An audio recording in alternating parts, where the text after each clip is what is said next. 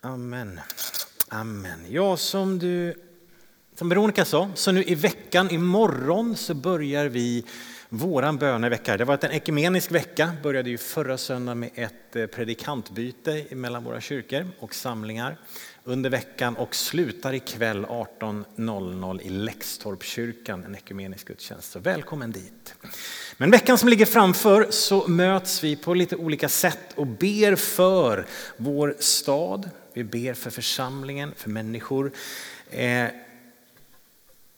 du kan, en del av er har fått ett utskick. Om du står med på vår eh, utskickslista så har du fått det i mejlkorgen. Om du inte har fått det, gå in på hemsidan och kryssa i dig där så får du nyhetsbrev utskickat. Men den ser ut eh, ungefär så här, måndag till lördag och måndagen börjar med en bönepromenad.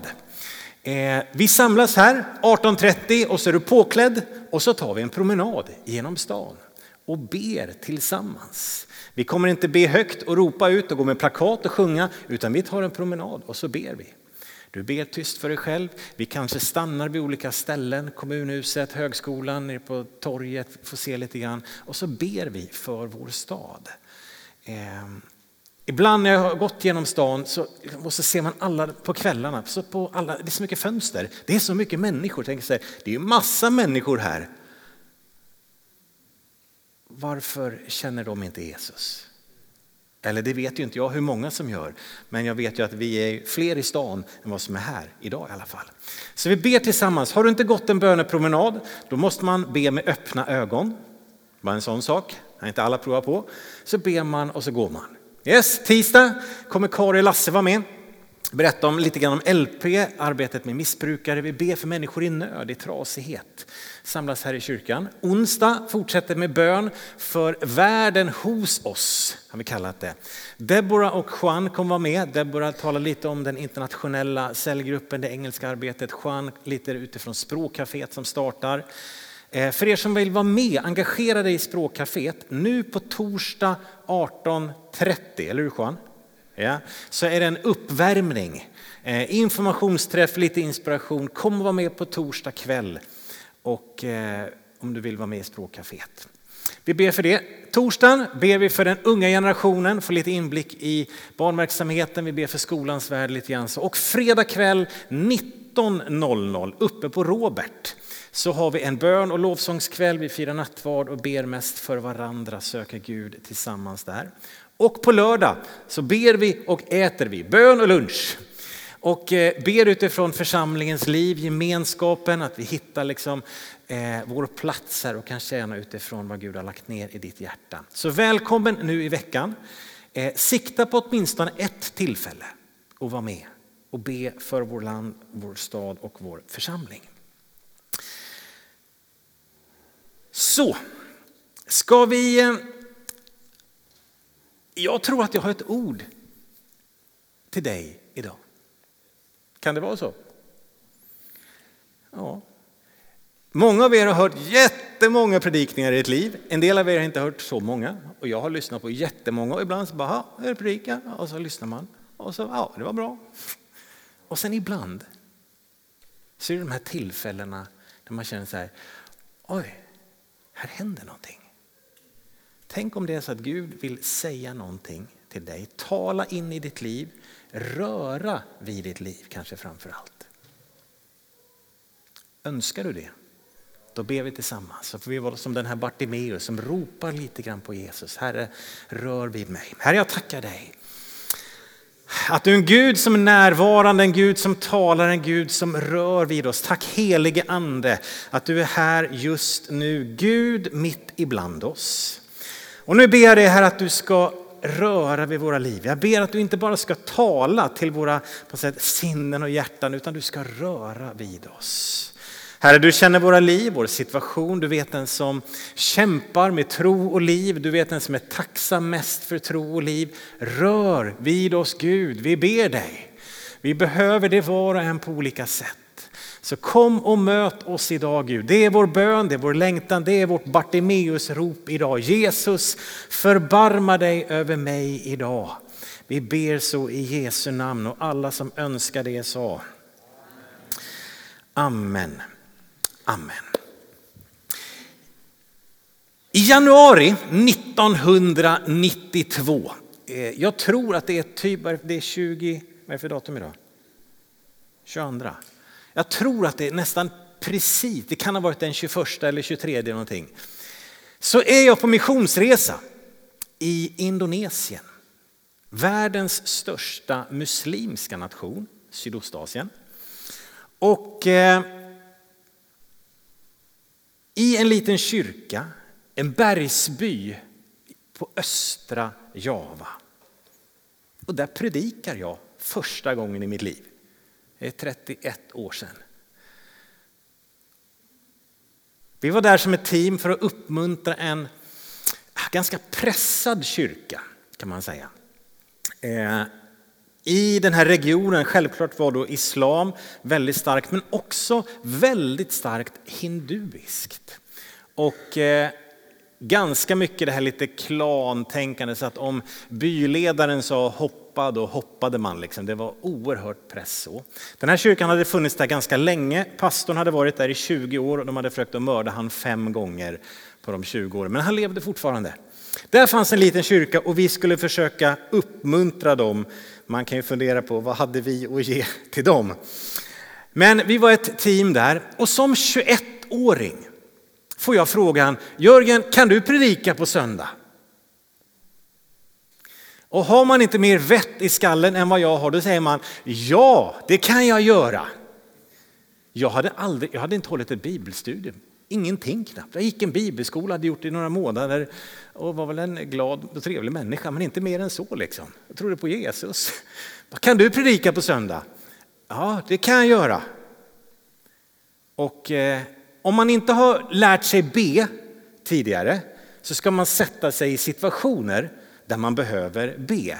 Där det blir gode Gud hjälp mig annars dör jag känslan. Den är väldigt nyttig.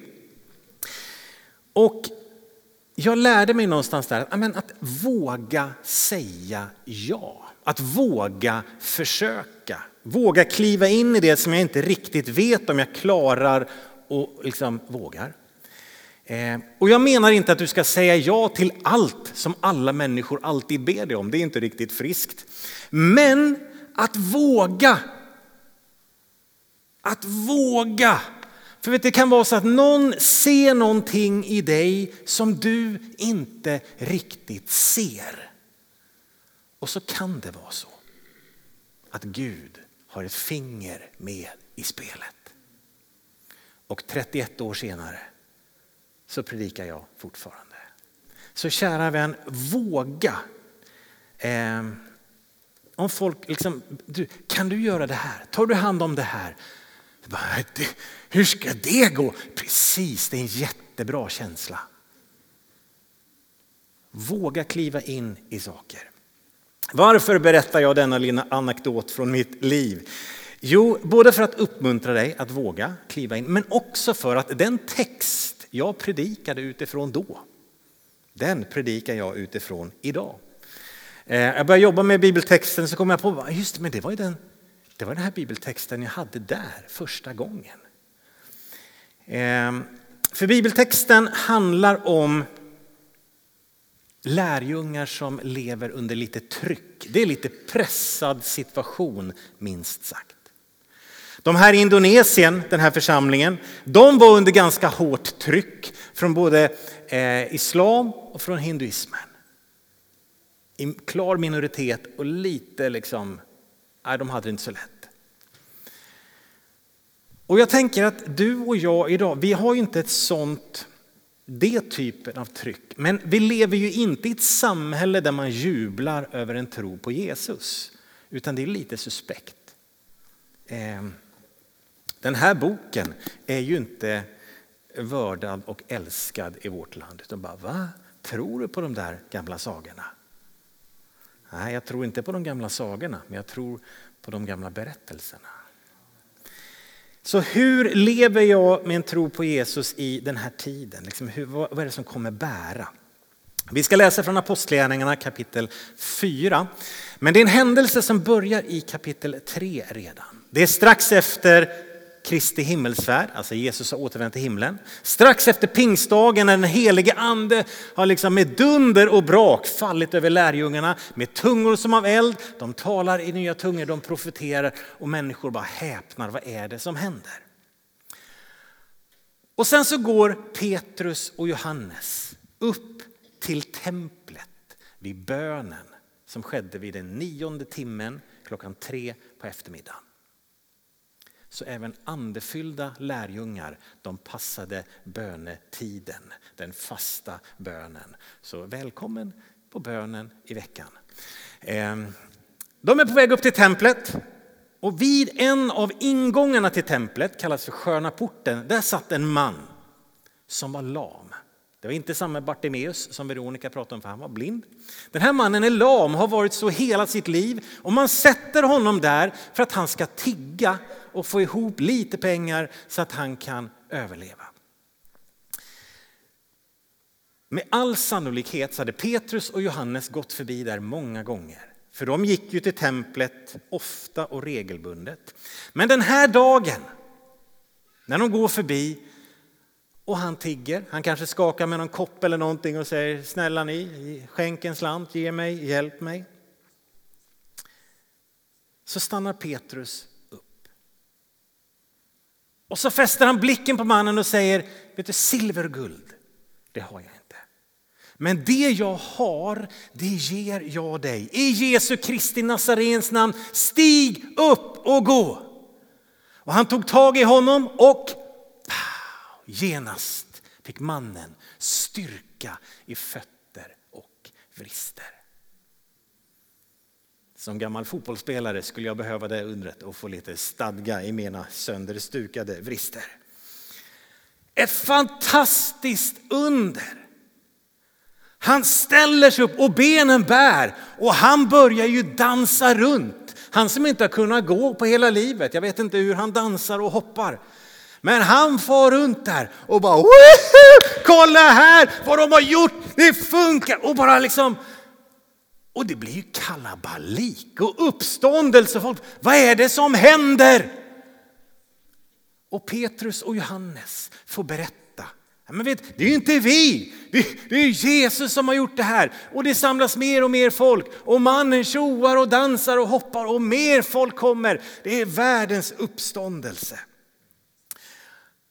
Men då finns det några som vakar över det här templet. Inte bara över templet utan egentligen hela den, den judiska befolkningen i Jerusalem och ut över landet. Det är Stora rådet och tempelvakten. Så när det blir den här uppståndelsen och de här fariseerna och saduceerna som då utgör Stora rådet, de bara Hallå! Vad är det här? Och vakterna de tar Petrus och Johannes med sig och sätter dem i finkan. Det här går ju inte. Vad håller ni på med? Och plockar in dem. Och eh, morgonen efter så ställs de inför Stora rådet, eller Sanhedrin som den kallas. 71 stycken av det högsta ledarskapet för hela det judiska folket. Och de blir utfrågade. Vad, vad, vad gör ni? Hur, hur kunde ni göra så här och vad är det ni säger för något? Och när de står inför makten så svarar Petrus så här. Han står frisk framför er i kraft av Jesu Kristi Nazarens namn. Ni korsfäste honom, men Gud har uppväckt honom från de döda. Hos ingen annan finns frälsningen och under himlen finns inget annat namn som människor fått genom vilket vi blir frälsta. Det verkar som att de hade slitit med den här mannen också. Han står frisk framför er. Alltså, jag vet inte om han hamnade i finkan av bara farten eller de plockade in honom där på morgonkvisten, skickade ett sms och sa kom hit, vi behöver prata med dig. På grund av ett mirakel, en välgärning mot en trasig människa, så hamnar de i häktet över natten. Jag ska inte fråga här inne hur många som har varit häktade någon gång, det behöver inte avslöja. Men bara tänk dig, stanna upp där. Du är med i pannkakskyrkan uppe på torget en fredagkväll. Här. Och ni börjar prata med människor om Jesus, det blir uppståndelse, polisen får komma dit och de sliter med dig upp till häktet. Hur kaxig skulle du vara då? Sitta där över natten. Vad, vad är det som händer? Och Gud, här, här försöker jag tjäna dig och tala med människor om Jesus och så hamnar jag i häktet. Hur, hur väl skulle du sova den natten? Men de ställs då inför Stora rådet och säger de här orden. Det är inte så att de liksom hukar sig. Det är inte så att de bara, vi ber, vi ber om ursäkt, det var inte meningen, utan säger, ni korsfäste Jesus. Men det är hans namn som den här mannen har fått hälsa till sin kropp. Och måste komma ihåg också det här maktförhållandet som är här. Petrus och Johannes och Stora rådet. Det står att de, eh, alltså, de är ju eh, Petrus och Johannes, vanligt folk, enkla människor, Stora rådet, det är ju aristokratin, det är ju eliten, det är de kunniga, det är de med respekt, med de med makt och de med pengar. Du saduséerna tillhörde överklassen väldigt tydligt. Så lite fiskare mot två stycken mot 71 stycken från på något sätt aristokratin, från liksom dem. Vilket tryck! Och de hukar inte. De kliver fram och säger det här är vårt budskap. Och det här stora rådet, när de lyssnar, dessa höga, mäktiga människor. De blir lite konfunderade.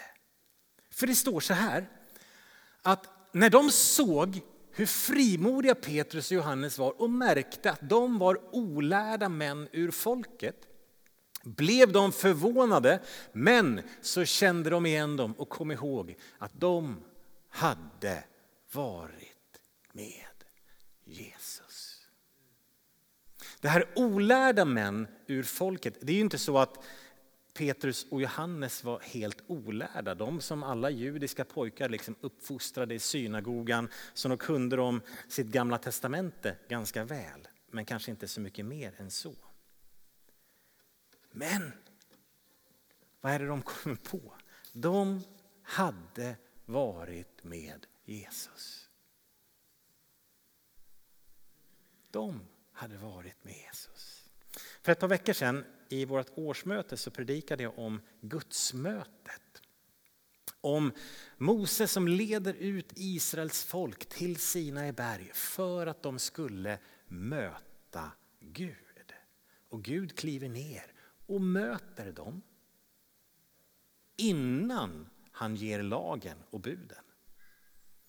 Så poängen var aldrig att bara göra och hålla buden, utan poängen, det började med att ni ska få möta mig, säger Gud. Poängen är att möta Gud, möta han som sen också ger buden till ett välsignat liv.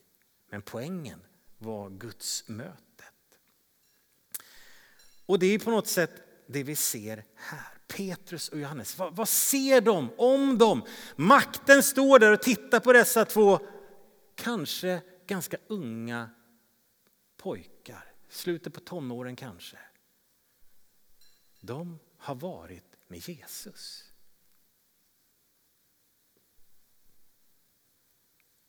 Det som... Alltså det här mötet, det var inte bara ett möte utan de levde ju med honom. På något sätt, det fanns ju flera sådana Jesusmöten.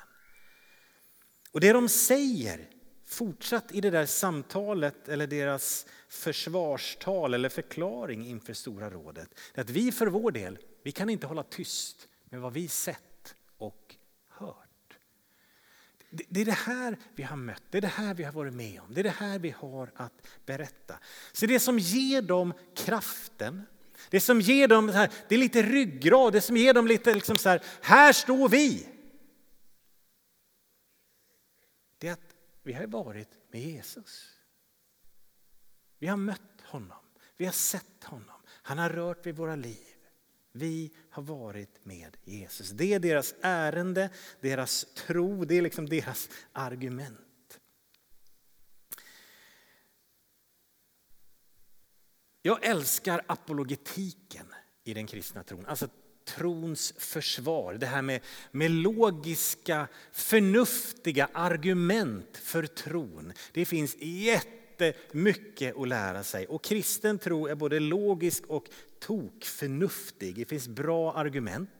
Jag älskar på något sätt, bibelordet att få lära och se sambanden och hur det sitter ihop. Det är fantastiskt och vi behöver det. Det finns mycket att lära min vän. Du behöver det och jag behöver det. Men det är inte det som är poängen. Utan poängen är att möta Jesus. Johannes skriver i sitt evangelium att om alla de under som Jesus gjorde var nedtecknade skulle liksom alla, alla, böcker, alla bibliotek i världen inte rymma det. Men det som står, det räcker för att ni ska tro på honom och ha liv i hans namn. Det är inte kunskapen i sig som är grejen, utan kunskapen på sätt tar mig till honom så att jag lär känna, jag ser, jag möter, jag upptäcker. Poängen är att möta Jesus. Och när du läser din bibel så ser du att i många av de här gudsmötena, vi skulle kunna läsa om, eh, om Jesaja, när han i kapitel 6 i hans kallelse får se Gud på tronen. Vi skulle kunna läsa om Jobb som genom ett väldigt knöligt liv och tusen och en frågor när han får möta Gud. Så säger han att ja, jag tystnar inför dig. Nu har jag fått se dig Gud. Han får inte alla svar men det är som att svaren blir inte lika viktiga när han har fått möta honom. Paulus möter Jesus i ett ljussken på Damaskusvägen och allt det han levde för tidigare, det byts ut. Johannes, när han är på ön Patmos, Uppenbarelsebokens första kapitel, så får han se in i det himmelska. Det här när de får mötas, frågor faller bort, argument tystnar, tvivel flyger all världens väg. Vart då? I gudsmötet, i mötet med honom som var då, som är och var och som ska komma. I mötet med honom som kallas för alfa och omega, början och slutet. Han som beskrivs som att han är från evighet till evighet. Han som är livets bröd, han är livets vatten, han är vägen, sanningen och livet. Han är Herren din läkare, han är Herren din rättfärdighet, han är den som förlåter dina synder. Han är den som är, hans nåd är ny varje morgon. Han som är barmhärtig. Han som tar dina synder och kastar dem i glömskans hav. Han som en dag kommer tillbaka och genom nåd tar dig in i sitt eviga rike. Det är honom vi pratar om. Det är honom vi behöver möta. I mötet med honom så förändras livet, så förvandlas någonting hos. Poängen är att möta Jesus.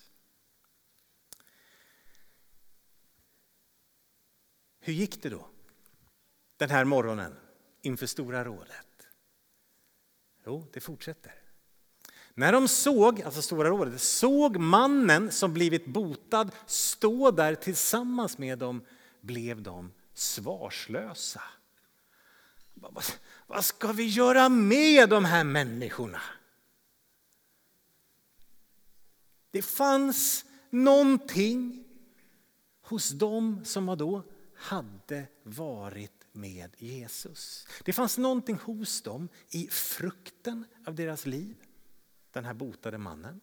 Det fanns någonting i liksom, deras resning, de såg att de var så frimodiga. Det fanns någonting i deras liv som motståndet inte riktigt rådde på.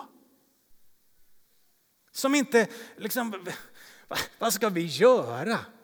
Man kan nästan se dem framför sig. De, där står Petrus Johannes och en nybotad man som fortfarande har lite dans i benen och bara blinkar lite åt vakten på sidan.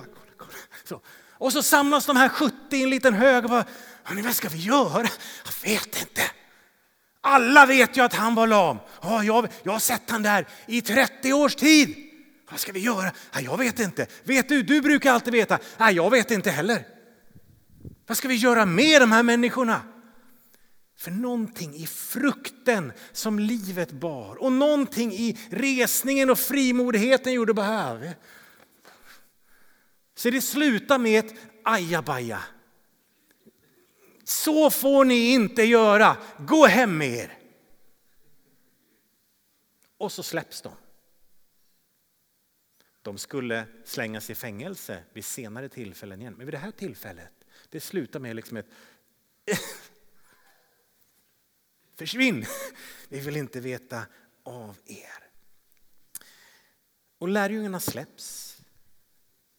Och de går hem till församlingen. Till gemenskapen av de troende som är samlade i bön. Bön är bra, så kom nu i veckan, någon av samlingarna. De är samlade till bön. Och de bara, hallå, vi är här. Och så ber de tillsammans. Och det de ber är jättefascinerande. De ber inte liksom att Gud låt aldrig detta hända igen. Det var så jobbigt att sitta i fängelse. Eller det var så jobbigt att stå inför de här höga gubbarna. Nej, vad ber de? Herre, se hur de hotar oss. Hjälp dina tjänare att aldrig mer behöva uppleva detta. Nej.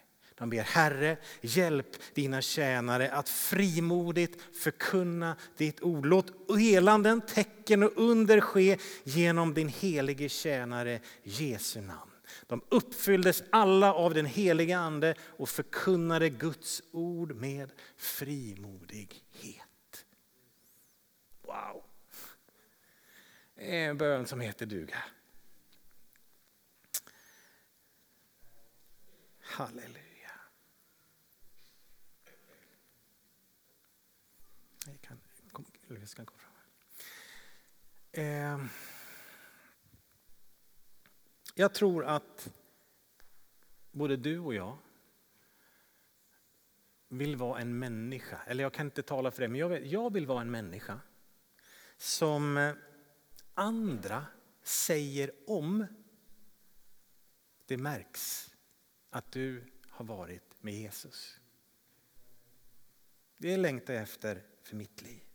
Som både kan möta den lame vid sköna porten. Som kan möta den trasiga människan, möta en människa i nöd. Och säga att vet du, silver och guld, det har jag inte. Men det jag har, det kan jag ge dig. Och be för dem i Jesu namn. Leda dem till Jesus. Jag vill att det ska vara frukten i mitt liv. Att människor ser att han har varit med Jesus. Men också som kan ska jag säga, möta vår tid. På något sätt stå inför makten, inför samhället. Och inte för att jag kan allt och vet allt, men någonstans stå där med rak rygg och bara säga, det här är min tro, det här är mitt liv. Och att det märks att jag har varit med Jesus. Jag kan möta vår tid med en självklarhet. Det är inte bara tvivel och svårighet och otro och frågor som präglar mig. Och hur ska, nej, vet inte, utan vet, jag har varit med Jesus. Det är min tro, det är mitt liv, det är min övertygelse. Har jag alla svar? Nej, det har jag inte. Behöver jag alla svar? Nej, det behöver jag inte heller, för jag har mött honom. Jobb hade säkert massa frågor kvar på ett sätt utifrån ett liv som hade varit så svårt, så svårt. Och han har alla frågor först. Och så får han möta Gud och säga, nu har jag sett dig. Och vet, jag, jag på något sätt, jag tystnar. Fick han svaren? Nej.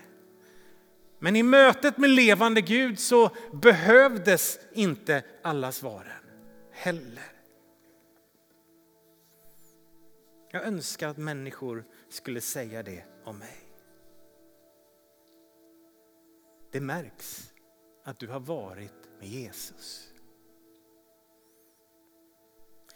Du som är här idag som inte kallar dig kristen. Vet du, det, det som är kyrkans erbjudande till dig, det vi kan ge till dig, det är inte en samling idéer. Det är inte en bra lära, bra tankar om livet som gör att ja, men det blir ett ganska gott liv och du skärper till dig och sen så finns det kanske någonting där på andra sidan. Det är inte det som är grejen. Utan du kan få möta Jesus. Och i mötet med honom så händer det någonting. Sen har vi en lång vandring genom livet där vi lär känna honom, vi lär känna hans ord. Vi behöver ibland brottas med en del frågor. Hur gör vi här? Hur tänker jag här? Hur kan det här stämma? Absolut. Men det är någonting i mötet med honom som behöver komma. Du kallas av Gud själv in i gemenskap med honom.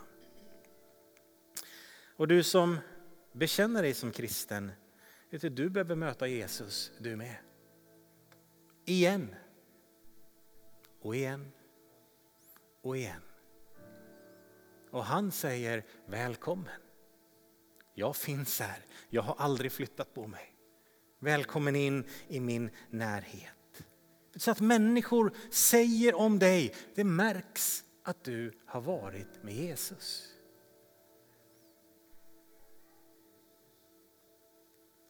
Att vi kan möta människor i nöd och ha någonting att ge.